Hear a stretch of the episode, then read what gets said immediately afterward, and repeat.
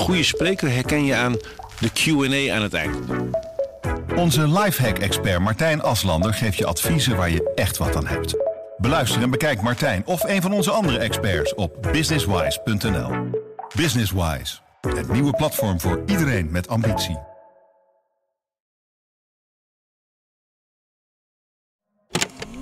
Wil je voorspellingen luisteren? We beginnen bij de eerste voorspelling. Nou, Verwacht dat Zelensky. Het grote thema van 2022 wordt toch vooral de Eh, we gaan horen wat je daarover hebt gezegd. vast niks, niet veel goed. Welkom bij de laatste aflevering van De Nabespreking, een serie podcast waarin we terugkijken op het afgelopen jaar. Eh, ik ben Pieter Klok, hoofdredacteur van de Volkskrant en naast mij zit Shaila Sital Singh. Welkom Shaila. Hallo. Jij zit hier eh, als voormalig columnist, mogen we wel zeggen, en, en Ja. politiek duider. eh, want in die hoedanigheid heb je begin van het jaar voorspellingen gaan, gedaan. Klopt, ja. We gaan kijken of die voorspellingen zijn uitgekomen. Ehm, daar zijn we natuurlijk heel benieuwd naar. Eh, maar om te beginnen, wat, het kabinet zit er nu een jaar. Wat is jouw algemene gevoel hierbij? Mijn algemene gevoel bij dit kabinet is dat het. ehm, het is geen eh, li- liefdes. ehm, hoe noem je dat? Geen liefdesrelatie. Ze zitten er toch echt ook omdat ze op elkaar zijn aangewezen. Het was een soort moedje. Het was de enige mogelijkheid bijna om te regeren. waarbij iedereen nog een beetje wilde meedoen. Ehm, ze, hebben, ze hadden een best ambitieus regeerakkoord. En een deel daarvan lukt ook nog wel enigszins om uit te voeren. Een deel daarvan loopt echt nou, redelijk in de modder. Daar gaan we het zo meteen denk ik ook wel over hebben. Ehm, en ja, ik vind het heel moeilijk te voorspellen, omdat het zo'n, het is een tamelijk liefdeloos eh, geheel. Eh, Tamelijk moeilijk te voorspellen of dat nog heel lang bij elkaar blijft. Ja. Het, is niet, oh, het gaat niet allemaal heel erg van harte. Nee. Maar, maar de dingen die succesvol doen, eh, die, dat, die lijken wel links. Want, want eigenlijk de terreinen waar succes boeken, of dat nou Carola Schouten is, gaan we het straks over hebben. Maar misschien ook Hugo de Jonge, hè, die zegt minder marktwerking op de woningmarkt. Eh, Ik ga weer meer de regie in handen nemen. Dat is toch klassiek eh, sociaal-democratisch bijna. Nou, alle koopkrachtmaatregelen. Dus, dus heb jij het gevoel ook dat ze relatief links zijn? Zeker? Ja, nou ja, ze moesten ehm, allerlei ongelukken opruimen. Er, zijn, er is in het verleden is er wat, wat, wat, ja, je kunt het rechts noemen, in elk geval ander soort beleid gevoerd. En dat heeft allerlei ongelukken opgeleverd. En wat dit kabinet eigenlijk aan het doen is, is een beetje opdwijlen wat er allemaal mis is gegaan in de vorige kabinetten, ook allemaal onder Rutte. En nu zijn ze het een beetje aan het corrigeren en dingen aan het opdwijlen en wie Oké, de dus het geen- aan het doen. En- Het is niet links uit liefde, maar meer eh, ik denk een uit noodzaak. Ja, ik denk uit Ja. noodzaak omdat er best wel veel echt niet meer goed ging. En dat dat ook wel echt heel breed onderkend werd. Oké, we gaan naar je eerste voorspelling. Oh jee. Eh, de voorspellingen zijn gelukkig niet gedaan aan het begin van het jaar, voor de oorlog. Want die oorlog heeft natuurlijk eigenlijk alle eh, voorspellingen om zeep geholpen. We hebben je gesproken in maart, 15 maart. De oorlog was al begonnen. Eh, we gaan nu horen wat je hebt gezegd over het Russisch gas. Wat je hoort is dat er nu wordt uitgesproken door allerlei regeringsleiders van we moeten van de afhankelijkheid van Rusland af. En dat betekent eh, voor heel veel landen energieafhankelijkheid. Dus we moeten van de olie af en het gas. Terwijl eh, de afgelopen 10, 20 jaar ehm, het Westen niets anders heeft gedaan dan zich volledig ophangen aan Russische energie. En ehm, als ik het even tot Nederland mag beperken of tot West-Europa, zullen regeringen in West-Europa het nooit zo ver laten komen dat hier de verwarming uit moet, of de benzine op de bon moet, of eh, echt belangrijke industrieën afgeschakeld moeten worden van het net. Ik denk dat het heel veel woorden zal zijn, maar dat je hard, eh, nou ja, de gaskraan dichtdraaien vanuit eh, Rusland. Ik zie dat niet op hele korte termijn gebeuren. En ook niet op middellange termijn. En misschien zelfs niet eens op lange termijn. Nou, Shaila, de helft van je voorspelling klopt. Eh, we zijn niet op rantsoen gegaan. Nee, en eh, het kabinet heeft geen gaskranen dichtgedraaid. Eh, sommige industrieën zijn, zijn wel gestopt, maar dat was omdat het gas zo duur werd. Maar het was niet omdat het door de overheid Ja, werd niet uit strategisch belang. Maar, Ja. maar het andere, we hebben, volgens mij importeren we bijna geen Russisch Ja, gas meer. het is fantastisch. Ik heb vanmorgen de cijfers nog even opgezocht. Ehm, eh, aanvankelijk import, kwam 40% van het Europees gas uit Rusland. En dat is nu teruggebracht naar 7,5%. Dus in de Europese Unie. Hè. Dit is eh, Mhm. Russisch gas naar de EU. Dus het is nog heel weinig. Het is nog, er komt nog gas. Er stroomt nog Ja. gas uit Rusland. Maar het is nog maar 7,5% van de energiebehoefte. Dus er is in, in eigenlijk razendsnel tempo... is Europa afgeschakeld van Russisch gas. Ja. En deels was dat ehm, afgedwongen, ook door Rusland zelf. En die Nord Stream eh 1 die ging toen dicht voor onderhoud. Ja. En toen was men in het Westen juist heel bang van... oh, oh jee, als de Russen ons maar niet afsluiten. Ehm, en dat, dat gas is, is inderdaad niet meer eh, op gang gekomen. Althans niet in die mate als voorheen. Ehm, en dat heeft eh, denk ik ook wel eh, te maken met eh, dat de Europese eensgezindheid om, uit te blijven stralen dat dit een illegitieme oorlog is, dat die ons zeer bedreigt in het hart van Europa, aan onze grenzen, al onze waarden, daar wordt de grabbel worden gegooid. eh, dat dat zo samenbindend heeft gewerkt dat iemand als von der Leyen, de, de, de commissievoorzitter, waar. Mark Peperkorn, onze correspondent, onlangs een prachtig portret van had gemaakt. Dat die kennelijk het momentum heeft kunnen gebruiken om te zeggen: nee, jongens, we gaan er echt vanaf. En we gaan plafonds instellen en we gaan eh, eh, pr- eh, maximale prijs bepalen wat we nog willen betalen voor die olie. Ehm, ja, wonderbaarlijk. Maar Ja. ehm, het kan dus in Nou, zo'n je hele grote naam- crisis. Je hebt haar naam genoemd. We moeten het eigenlijk over de Haagse politiek hebben. Maar laten we toch heel even een uitstapje maken naar de Europese Haags. politiek. Eigenlijk is het een verlengstuk van de Haagse Ja. politiek. Of is Haagse politiek een verlengstuk van de Europese. Dus je kan het prima als een binnenlands onderwerp Oké, behandelen. jij bent heel lang ook correspondent in Brussel geweest. Ja. Dus jij, jij kent die eh besluitvormingsmachine heel goed. Zie je onder von der Leyen echt iets nieuws gebeuren? Dat je het gevoel hebt dat daar ontstaat echt een krachtige Europese regering met een sterke leider. Je ziet, eh, wat, je, wat je ziet is dat von der Leyen wel die ambitie heeft. En dat ze die ook neemt en dat ze die ruimte ook krijgt. En dat ze ehm, nou ja, zich, zich breed maakt op terreinen waar eh, 10, 20 jaar geleden de Europese Commissie of de EU zich helemaal niet zo breed durfde te maken. Zoals die energieafhankelijkheid. maar hiervoor ook al in de coronacrisis met eh, gezamenlijk ehm, ehm, mondkapjes inkopen, vaccin inkopen. eh, wat ze heeft gedaan. Eh, was toen een initiatief van een aantal landen om, om gezamenlijk vaccins in te kopen. Toen is Van, von der Leyen daar doorheen gebanjeerd en gezegd: nee, nee, nee, dat gaan we als EU doen. Dus ja, ze maakt zich eh, breed en ze eh, weet ook wel, ze heeft natuurlijk het tijd mee, omdat het nu oorlog is. Ook een soort gevoel van urgentie te kweken onder al die Europese regeringsleiders. Om te denken: ja, oké, ja, laten we dan maar inderdaad. Ja, we moeten toch echt samen optrekken. Ja, en die li- lidstaten laten zich dat wel gevallen. Dus in het Deels verleden wel. was dat toch, eh leverde het ook al veel tegenstand op. Als, Ja, ja, ja. Je had altijd opstandige lidstaten. Nou, eentje is uitgetreden. Dat is Groot-Brittannië, of het Verenigd Koninkrijk. Hongarije is natuurlijk eh, toch opstandig. Je blijft natuurlijk opstandige lidstaten hebben. Hongarije ligt nu heel erg dwars. Ook in de steun aan Oekraïne bijvoorbeeld. Uh, maar er is een die we lang niet hebben gezien op deze Ja. manier. En moeten we ons gelukkig prijzen dat daar nu uh, een, een, vrouw als von der Leyen zit. Hè? Er is toch iemand die met een enorm uh, Calvinistisch arbeidsethos werkt. Keihard. Ja, ik vond Geen het frivoliteiten. Fantastisch. Ze woont in een uh, kamertje zonder ramen, geloof ja, ik. Ja, een kamertje naast haar werkkamer zonder ramen, daar slaapt ze. En, uh, en, en, en, ze heeft dan wel een buiten waar ze kippen heeft die vernoemd zijn naar prinsessen. En eentje heet Angela, een van haar kippen. Maar okay. dat vond ik een geweldig dat is detail. De enige, frivoliteit die ze zichzelf toestaat. Ja, ja, ja, dat was eigenlijk het enige frivole detail wat over haar bekend was, ja. kennelijk. Nee, maar een, een, ja, Calvinistisch hardwerkend, maar ook wel een bepaalde taakopvatting. Um, die vrij um, misschien directief is, mm -hmm. uh, maar misschien ook wel nodig is nu. En die de lidstaten zich kennelijk wel laten welgevallen. Ja. Goed, uh, we zijn van het Russische gas af. Waar komt het gas eigenlijk nu vandaan? Hebben we daar zicht op? Is het vooral Qatar? Of, of uh, dat, nee, okay. nou, dat is het grote wonder. maar het grote wonder is dat we dus veel sneller dan we allemaal dachten... Een alternatief voor het Russisch gas konden vinden. Volgens ja. mij hebben we nog wel heel veel Russisch gas gebruikt om in onze op opslagen Ja, onze opslagen zitten vol en daar zit nog een deel Russisch gas in. Ja. Maar dat stroomt niet, hè? Dat was er al. Het is precies. een voorraadgrootheid, geen stroomgrootheid. Ja. Oké, okay, laten we naar het volgende fragment gaan. Ja, die, de solidariteit van Nederland met Oekraïne is al ongelooflijk op de proef worden gesteld. Eh, nog niet zo lang geleden is hier het associatieverdrag tussen de EU en Oekraïne gewoon weggestemd. Hè? Uh, dus er is niet een soort lange historische traditie van solidariteit tussen Nederland en Oekraïne. Die is echt op geen enkele wijze. Uh, dat er nu even een enorme, enorm gevoel van solidariteit is, is heel begrijpelijk. Het is een ongelofelijke generositeit nu. Iedereen wil een Oekraïner in huis. Um, nee, dat blijft niet zo.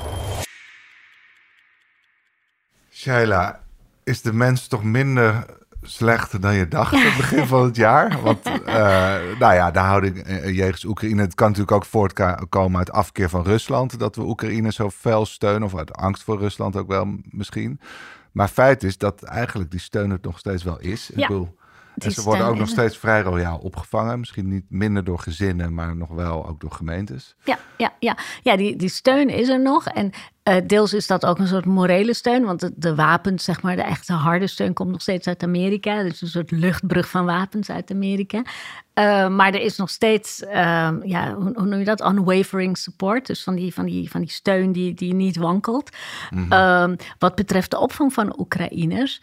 Um, we hebben de, een van de kandidaatwoorden van het jaar was spijtgezin. Zo'n mm -hmm. gezin dat Oekraïners heeft opgevangen en daar spijt van heeft. Um, maar dat, uh, dat, dat is er natuurlijk. Dat soort verhalen zijn er allemaal geweest. Van, uh, van, van mensen die zeiden: Ja, we hebben onze deuren opengezet voor Oekraïne. Maar het was toch niet zo uh, gezellig als we hadden gedacht. Of het was toch ingewikkeld. maar het is niet zo dat ze worden uitgekotst of weg moeten. Of, of nou ja, dat, dat, dat er niet zoveel plek meer voor ze is. Wat je, wat je wel hebt gezien is dat die opvang van Oekraïners zodanig heeft gedrukt op de opvangcapaciteit. Dat dat is overgeslagen op Um, op, op andere asielzoekers. Mm -hmm. Die hebben buiten geslapen bij Ter Apel. Die hebben in die pijplijn, zitten vast in die pijplijn. Die komen er niet meer doorheen. Uh, daar moet nu een hele nieuwe asieldeal voor komen. Dat is wel um, versneld, denk ik, mede door die Oekraïners. En dat er, um, zijn ook zorgen in Den Haag van... oh mijn god, er komen er misschien nog meer Oekraïners aan. Ja. en er wordt nu wel uh, heel snel gesleuteld aan, uh, aan een, een wat verscherpte asieldeal. Want deze gemeentes hadden vaak al, al, het idee van... ja, we doen al heel veel om Oekraïners op te vangen. Vraag ons niet om ook nog ja, reguliere AZC te creëren. Ja, want dat kunnen we niet aan. en Syriërs, en die blijven natuurlijk ook komen. Ja, en nu is het idee van de spreidingswet... nou, dan moeten we gemeentes maar dwingen. Ja, in de laatste instantie wordt dat de stok achter de deur... om gemeenten te dwingen, ja. Denk je dat dat gaat werken? Um, kijk, dwang werkt natuurlijk nooit, bestuurlijke dwang. Dat, dat, dat kan alleen maar iets lelijks opleveren. Ik snap wel dat Erik van den Burg, de staatssecretaris die hiermee belast is, dit als laatste stok achter de deur nodig heeft. Um, Uh, Nederland heeft nu eenmaal opvangverplichtingen, heeft zich verplicht aan allerlei internationale verdragen, probeert daar hè, binnen, binnen wat mogelijk is, daar een beetje onderuit te komen uh, door deals te maken met andere landen en door uh, te proberen ze ook binnen Europa verspreid te krijgen. maar ja, punt blijft, als een vervolgde Afghaan zich aan je grenzen meldt ja. en aannemelijk kan maken dat hij rechtstreeks hier is beland, moet je er iets mee. Dus die opvang, die, um, je, je, je, kan niet alle opvang sluiten, dus je, dus je moet er iets mee. Mm-hmm. En het is, het, het is ook een deels een zelfgecreëerde crisis. Hè? Want voorgaande kabinetten hebben, nadat er heel veel asielzoekers uit Syrië kwamen in 2015... Uh, en, en die, die bult een beetje was verwerkt... hebben ze heel veel opvanglocaties ook weer gesloten. Dus het was ook een soort zelfgecreëerde schaarste. Mm-hmm. Waardoor nu er weer een nieuwe golf asielzoekers komt... Um, Oh jee, ja, die opvang. Oh nee, die zijn allemaal dicht. Ja. En gemeenten zijn begrijpelijkerwijs pissig. Die zeggen, ja, we hadden een prachtige opvang. Die hadden we met hangen en wurgen tot stand gekregen. Toen moest het dicht van het kabinet. Want dat was wel echt beleid van we gaan het sluiten. Ja, en dan moeten we het nu weer openen. Ja, hallo zeg. Dus gemeenten zijn ook begrijpelijkerwijs boos over dat jojo-beleid. Dus het is ook een zelfgecreëerde crisis. Maar heb je nou het gevoel dat ze het echt willen oplossen? Of zien we hier een beetje de vermorarisering, een heel moeilijk woord, van het Nederlandse asielbeleid? Hè? Dat vluchtelingenkamp op Moria, dat vinden we allemaal verschrikkelijk. Ja. Dat die mensen daar onder erbarmelijke omstandigheden moeten zijn.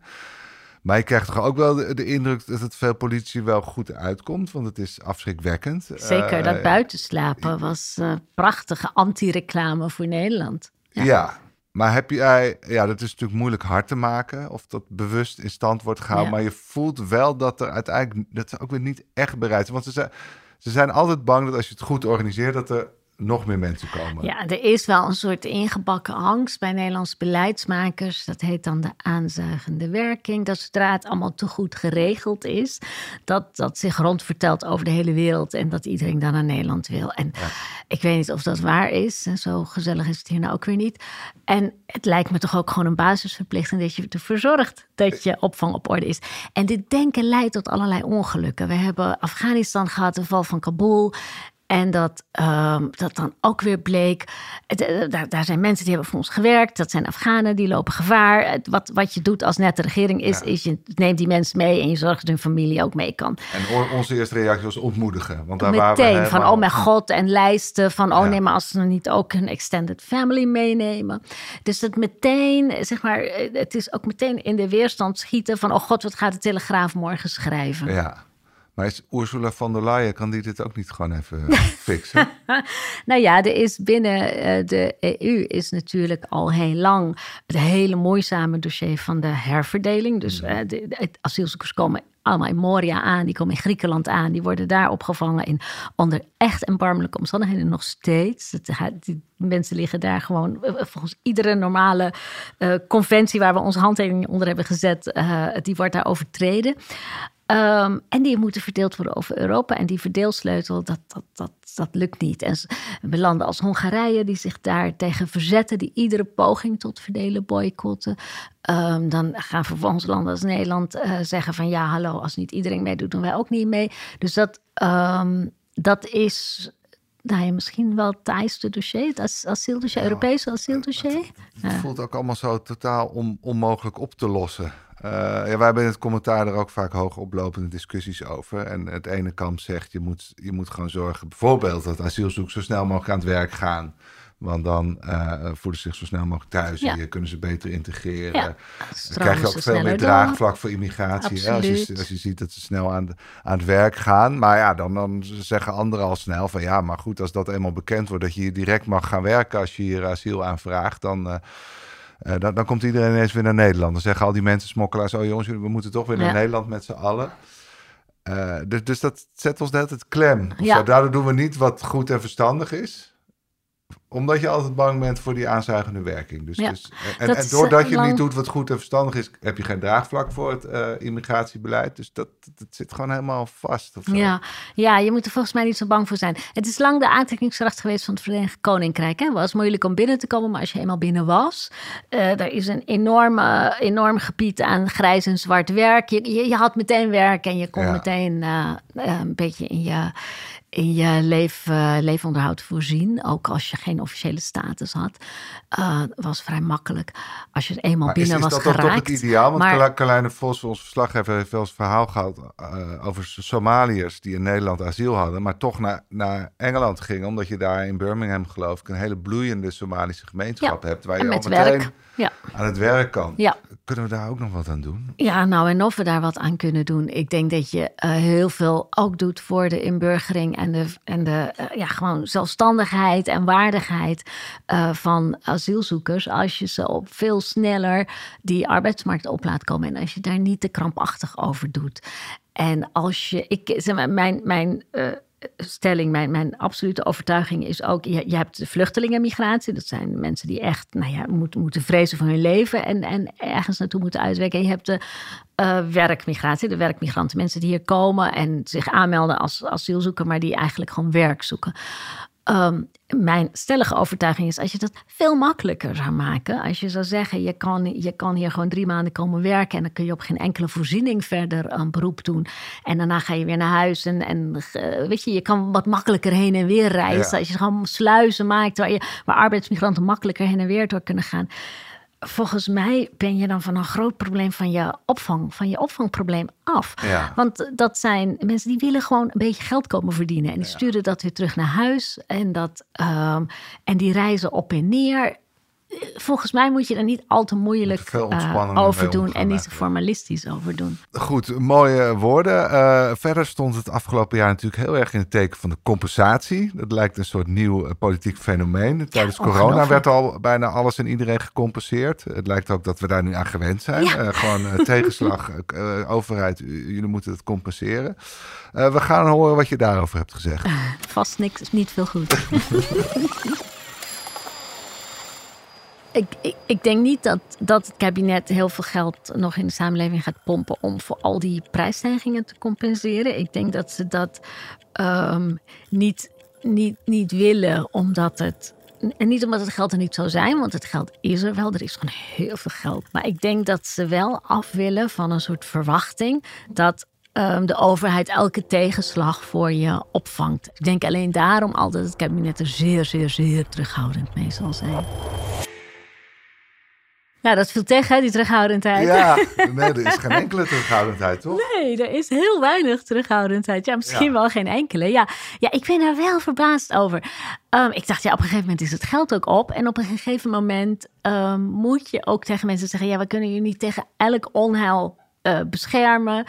Eh, maar die energieprijzen, want dit gaat eh, om compensatie over energieprijzen, die liepen zo hard op en er was zoveel lawaai en er kennelijk toch ook in Den Haag zoveel beduchtheid voor van, oh god, misschien vallen er dan toch weer te veel mensen tussen wal en schip, dat er enorm eh, weer met, eh, met de geldbuidel wordt gezwaaid.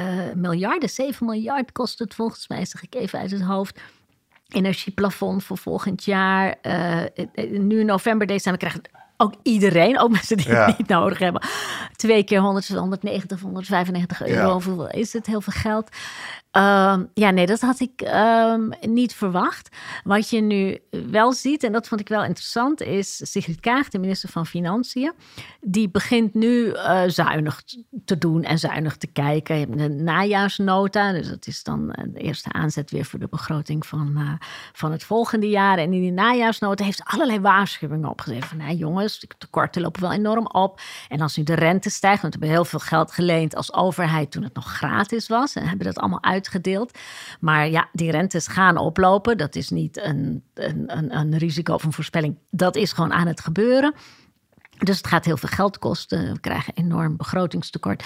Dus het begint wat voorzichtiger te zijn. En er was deze week ook in de, in de Tweede Kamer een debat over deze najaarsnota. En dan zie je dat een heel groot deel van de Kamer nog steeds op het spoor zit van... nou, niet te zuinig, gewoon geld uitgeven, want eh, eh, nog- moet nog heel wat gerepareerd worden. Maar je ziet dat de VVD begint te draaien, begint te zeggen, ja, moeten we niet een beetje gaan bezuinigen? Het bezuinigingswoord begon al te vallen.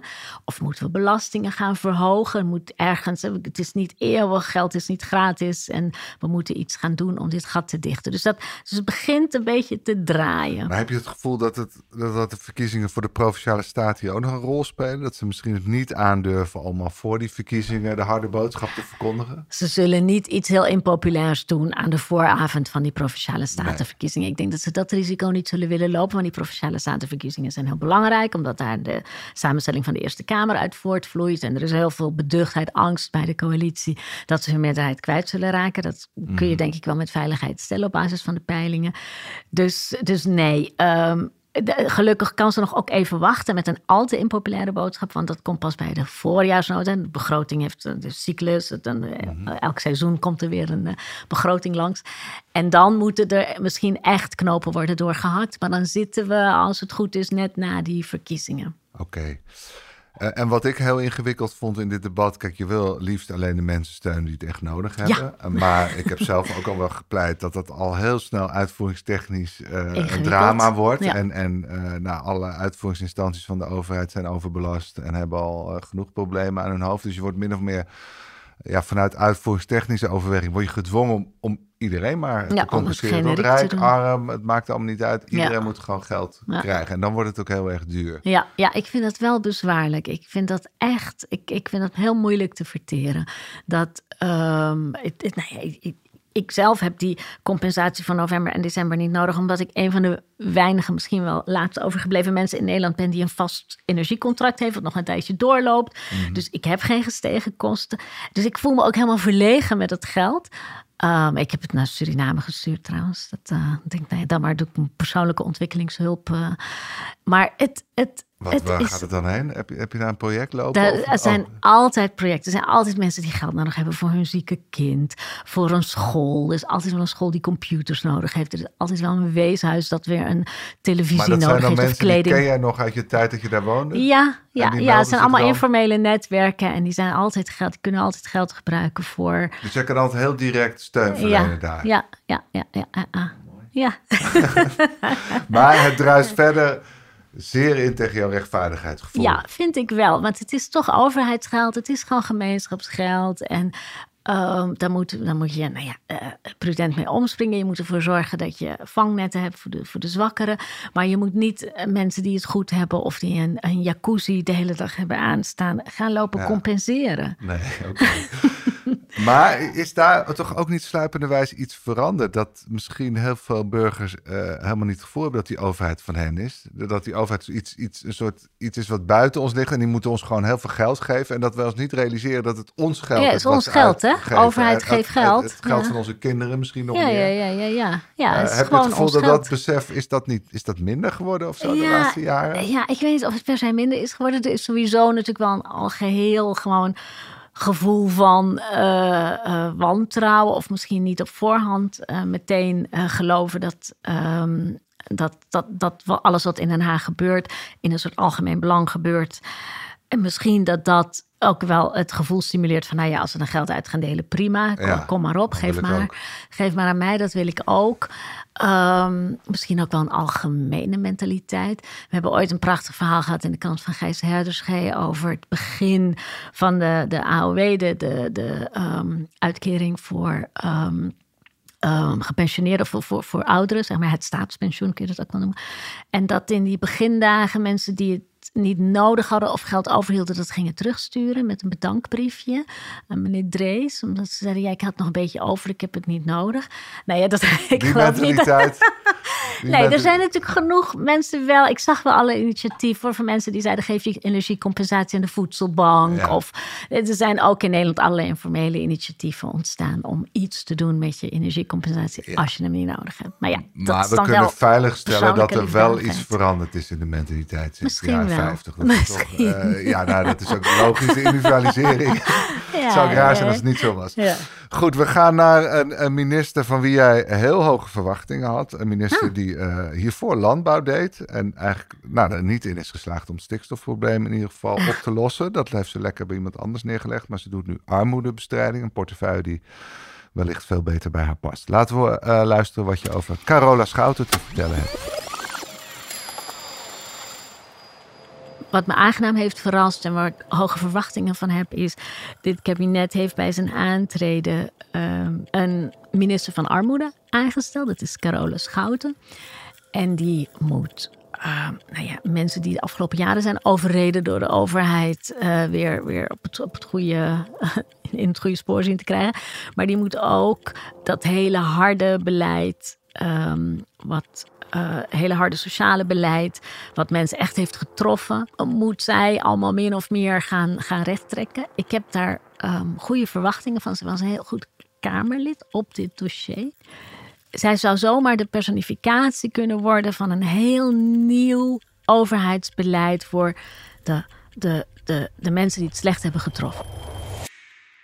Zijn je verwachtingen uitgekomen? Ze is heel goed bezig. Ja. Ja, ze is. eh, nee, dat, dat, was ook bij aanvang van dit kabinet ook al wel vastgelegd. Van we hebben hele strenge ehm, sociale wetten ingevoerd. Misschien iets te streng. We hebben te strenge controles eh, erop gedaan. We zijn uitgegaan van wantrouwen, van een mensbeeld. Van iedereen probeert maar te graaien. Maar we moeten ook vertrouwen geven aan de mensen.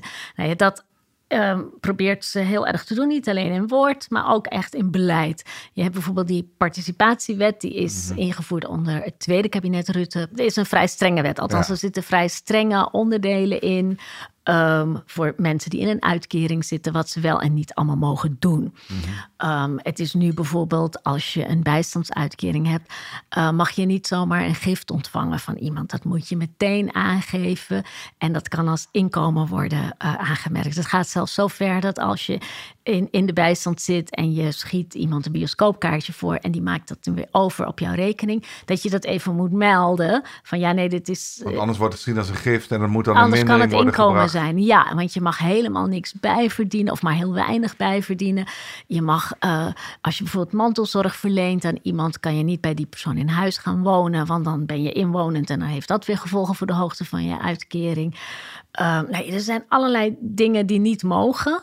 ehm, en die mensen met een uitkering zozeer beperken dat ze nou ja, echt, echt bijna niks meer kunnen.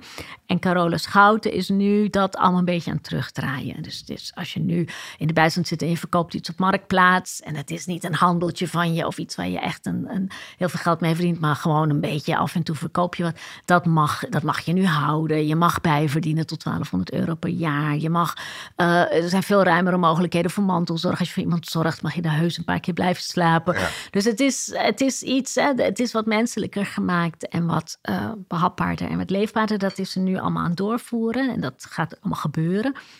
En dan kun je zeggen, dat is ook wel de kritiek van ja, het is ook een beetje pleisters plakken. Ja. Er moet misschien wel een fundamentele herziening komen van het hele sociale stelsel. Nou, dat gaat ze niet doen, maar ze probeert er wel een soort weer wat Maar menselijke maat in te brengen. En het, ja, absoluut het wantrouwen eruit te halen. Meer maatwerk, meer ruimte voor afwijking, meer hardheidsclausules, meer ehm, ja, oog voor ehm, dat, dat je in je leven soms eh, iets verkeerd kan doen. Ja, Of dat je.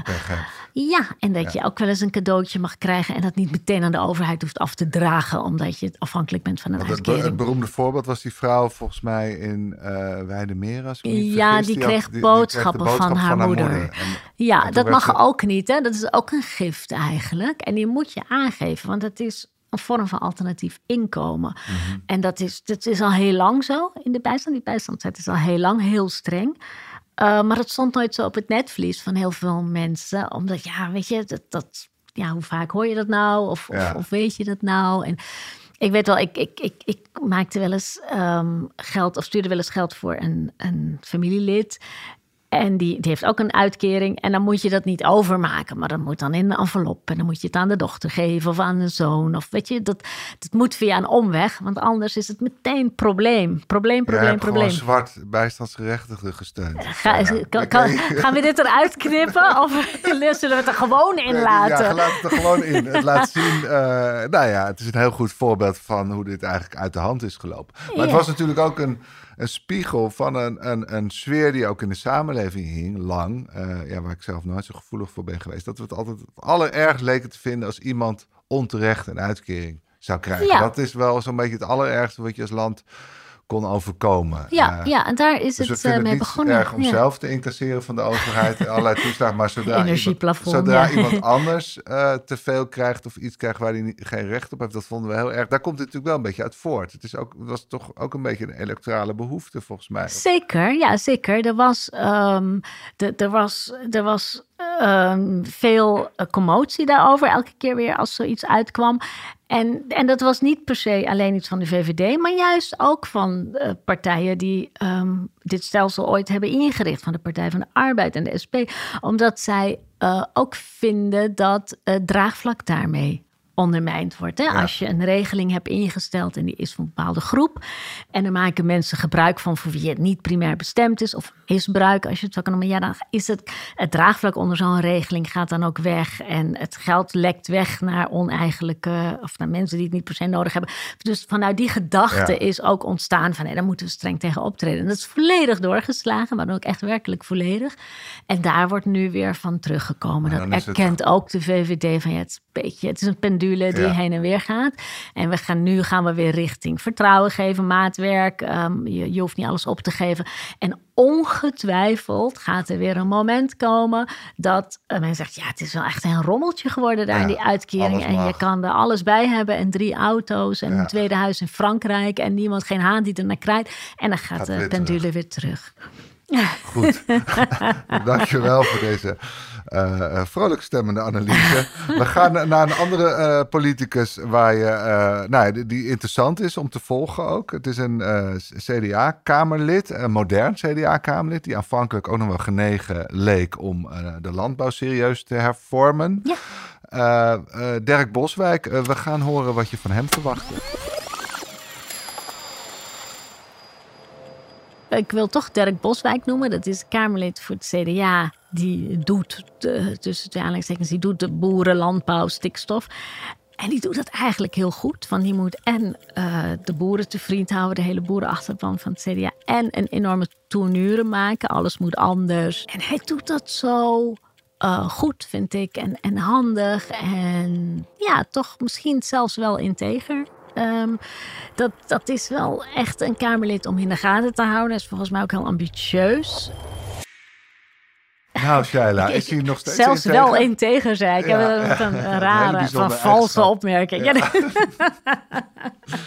ja. En? Ja, nou ja, dat hele stikstofdossier um, is toch... Ja, dat blijkt toch zo ongelooflijk ongelooflijk ingewikkeld te zijn. Hè? Dat, het kabinet was met hele forse voornemens begonnen. Van we gaan nu eindelijk eens een keer na, wat is het, 30 jaar uitstellen en voor ons uitrollen. gaan we wat doen aan die stikstof? Um, Christiane van der Wal, minister, die heeft dat met een grote voortvarendheid en opgewektheid uh, opgepakt. En dat is toch redelijk ontploft.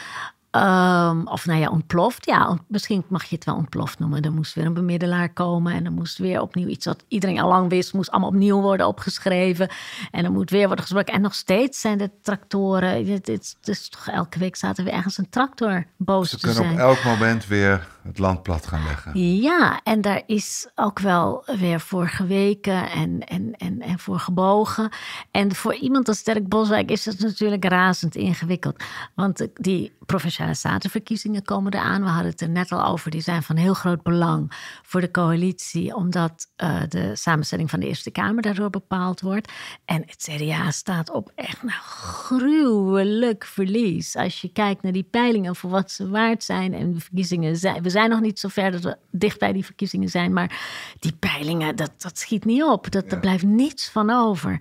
En een deel, ja, een deel is dus agrarische achterban. En die zijn weggelopen. En Dirk Boswijk, aan Dirk Boswijk de taak, onmogelijke taak, ja. om uh, deze mensen gerust te stellen.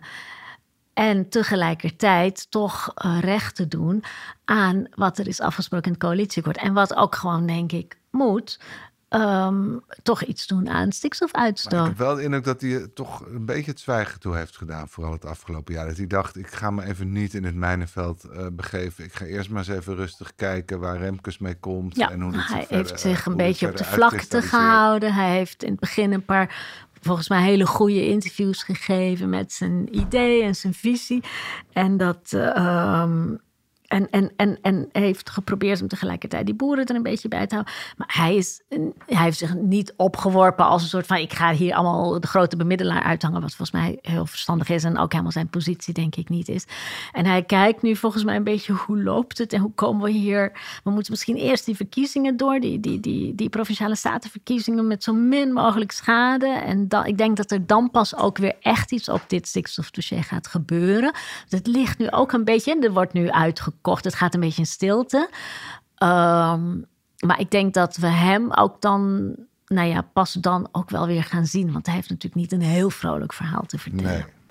Maar het ingewikkelde vind ik zelf, je kan het tot een heel principieel debat maken. Hè, van deze sector is uit de klauwen gegroeid en die moeten we uh, nodig, die moet duurzamer worden en die moeten we weer aan banden gaan leggen. Of je kan gewoon denken, we gaan de een naar de ander uitkopen en we kijken wel hoe ver we komen. Want dat lijkt nu toch wel Ja. een beetje op gang te Het is een komen. beetje toch? in, ja, en het gaat redelijk onder de radar. Ja. Wat, wat misschien wel een goede strategie Nee, je is. kan, het- uiteindelijk is de Gewoon individuele rustig. keus van een Ja. boer. Je kan ook zeggen, nou maak hem maar. Je kan Ja. 120% van je bedrijfswaarde krijgen. Maak hem maar. Ja, en ze krijgen fantastische bedragen. Ik, eh, dat, eh, de, de- ik geloof dat eh, Christiane van der Val zei... een woest aantrekkelijke regeling gaan we maken. Nou, op 120% papier... van de bedrijfswaarde is woest Ik aantrekkelijk. vind dat wel Ja. woest aantrekkelijk. Als Ja. ik 120% van de waarde van mijn huis zou krijgen aangeboden... en met alles erop en eraan... zou ik misschien ook wel zo Ja. goed. Ik ga wel een tijdje op de en- Malediven zitten. En, en dan ook nog vanuit het idee dat, dat het eerder waarschijnlijker is dat de waarde minder wordt in de loop van de tijd van boerenbedrijven. Dus je moet ook er vroeg bij zijn. Hè? Je moet dan ook zorgen dat je nu uitgekocht wordt.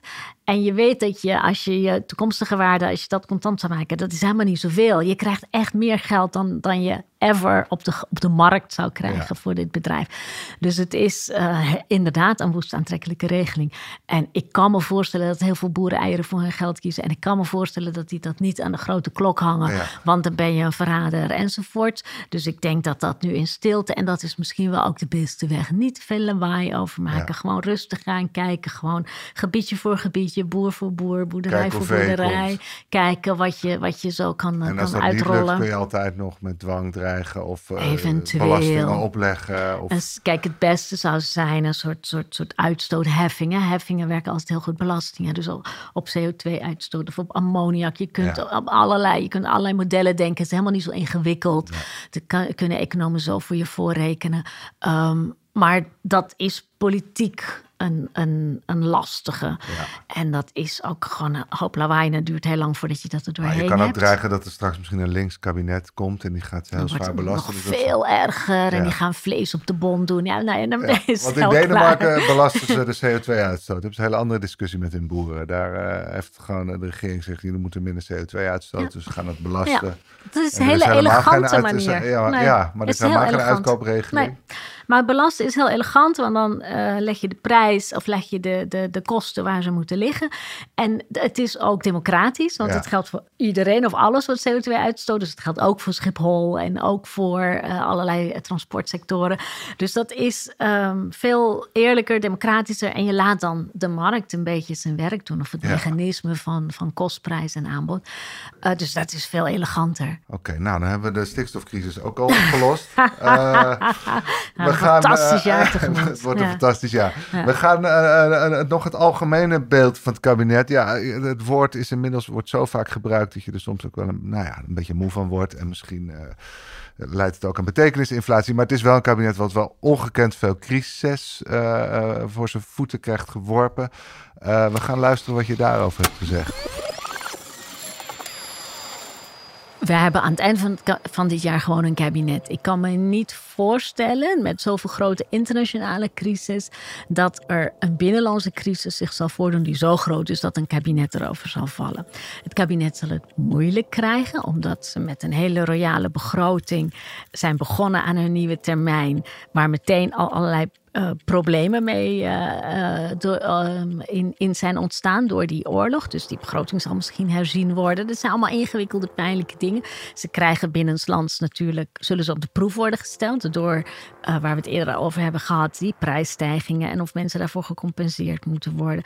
Door de opvang van vluchtelingen, want het gaat natuurlijk niet vlekkeloos. En er komt op een gegeven moment natuurlijk dat mensen het zat zijn. Nee, het zijn allemaal binnenlandse crises die in potentie gevaarlijk zijn voor een kabinet. Maar ik kan me eigenlijk niet voorstellen, nu vanuit maart kijkende, kan ik me niet voorstellen dat ehm, de politiek zich zo zou laten afleiden door een binnenlandse kwestie, dat dat het kabinet de kop gaat kosten.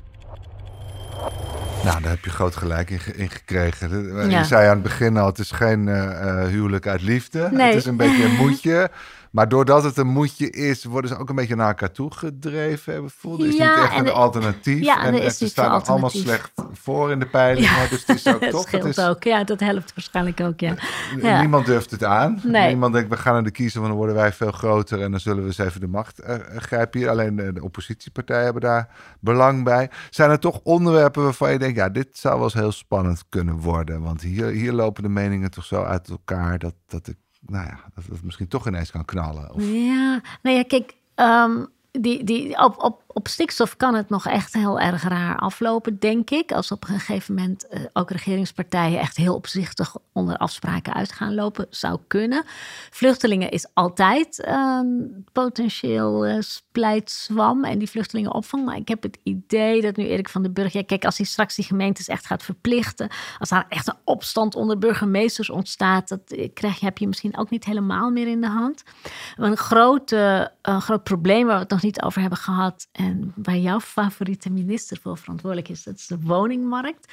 de, ehm, dat is wel echt hè, iets wat, wat mensen heel direct raakt. En waar het veel over gaat. En wat een bron is van veel onvrede. Dat je in sommige delen van het land echt geen woning meer kan vinden. Of dat je kind het huis uit wil en die kan gewoon nergens terecht. Ook niet voor 700 euro, ook niet voor 800 euro, ook niet voor 900 euro huur. Ehm, En dat, dat is, is heel, heel taai ding wat, wat Hugo de Jonge nu met de typische Hugo de Jonge-achtige blijmoedigheid aan het oplossen is. Met overal bouwen. Dat, uh, ik kan me voorstellen dat daar op een gegeven moment een soort, soort onvrede, soort die, die sluimerende onvrede, dat dat een, een bron gaat worden voor. Um, ook, ook binnen het kabinet, dat, dat men gaat kijken naar, oh, maar de kiezers zijn hier wel echt heel ontevreden over. Um, hebben we nog wel, weet je, hebben we nog wel voeling, hebben we nog wel vertrouwen? Ja. Ik, kan, ik kan me voorstellen dat dat echt een probleem Ja, maar het is, het is misschien wel het grootste probleem, althans uh, sowieso voor de kiezers. Maar het is minder een splijt van, toch? Ik vind stikstof echt een splijt van. Ja, stikstof is een potentiële splijt van. Terwijl ja. CDA en de minder mate VVD en de ChristenUnie willen toch een beetje onderuit. Ja, dat is echt wel een splijt van. Er zitten ook allerlei meer culturele componenten bijna in. Van wil je nog zo'n intensieve veehouderij houden? Um, dat heeft allerlei nadelen, van dierziektes uh, tot dierenwelzijn, uh, tot die stikstofuitstoot. Maar dat wordt dan ook wel meteen in de cultuuroorlog getrokken: van we mogen geen vlees eten of wel vlees eten en is dat woke of niet. Dus daar zit een hele rare uh, component onder, die dat een ingewikkeld um, probleem maakt. De tegenstelling tussen stad en platteland wordt, er, wordt ook enorm opgeblazen. Alsof je een soort romantisch platteland hebt en een, en een, en een stad vol met hippe stedelingen die dat willen vernietigen. Dus er zitten allerlei cultuuroorlogachtige elementen in die stikstof. Is dat het grootste uh, schisma in de samenleving aan het worden? Tussen stad en, en platteland? Het is volgens mij een verzonnen schisma. Want um, de, de, er wonen allerlei soorten mensen overal. En het is volgens mij een geconstrueerde kloof. Die bijvoorbeeld door de Boerburgerpartij um, wordt opgeblazen. Alsof, dat, alsof er ander soort mensen wonen met ander soort opvattingen. Ja. Um, terwijl dat uh, volgens mij echt wel meevalt in de praktijk en het veel gemeleerder en gemengder is. Maar er is een soort, het is natuurlijk een makkelijk schema uh, je hebt stadse problemen en stadse onderwerpen. En je hebt plattelandsproblemen, plattelandsonderwerpen. Maar volgens mij is dat schisma niet okay, zo dus daar moeten wij zeker niet in meegaan het nee, jaar. Nee, nee, nee, nee, nee. Denk je dat het gewoon zo blijft? Dat ze lekker tegen elkaar aangedrukt blijven... Uh, met hun ruggen naar de boze buitenwereld gekeerd? Um, het hangt er... Ik denk dat heel veel afhangt van hoe die verkiezingen gaan lopen... voor de Eerste Kamer uiteindelijk. En wat het betekent voor de samenstelling van de Eerste Kamer. En wat het betekent voor de slag van dit kabinet. Stel dat er straks een Eerste Kamer zit die echt alles wat vanuit het kabinet komt gaat tegenhouden mm. of, eh, of, of torpederen. Ehm, dan krijg je een onwerkbare situatie. En dat, ja, dat, dat kan niet eeuwig eh, door blijven gaan. Ehm, wat vaak wel een trigger is voor een kabinet om bij elkaar te blijven, is als het met niemand echt goed gaat in de peilingen. Nou, je zei het net al, ze hebben geen, geen, geen van vieren echt dusdanige peilingen dat ze belang hebben bij mhm. verkiezingen. Dat kan ook wel een heel sterk samenbindende factor zijn. Dat is een hele negatieve reden om bij elkaar te blijven. Maar ja, vaak, mensen blijven ook vaak om negatieve redenen bij elkaar. Dat geldt ook voor kabinetten. Oké, nou dat lijkt me een mooie uh, slotconclusie. Shaila, dank je wel. Uh, dit was de laatste aflevering van uh, eh, 2022, de nabespreking. Dank voor het luisteren uh, en alvast een heel gelukkig 2023. En vergeet ook niet te luisteren naar onze dagelijkse podcast, de Volkskrant Elke Dag. En op vrijdag naar onze politieke podcast, De Kamer van Klok. Graag tot dan. Mensen luisteren niet naar wat je zegt, maar kopiëren wat je doet. Onze vitaliteitsexpert Martin Hersman helpt je te focussen op wat echt belangrijk is. Beluister en bekijk Martin of een van onze andere experts op businesswise.nl. Businesswise, het nieuwe platform voor iedereen met ambitie.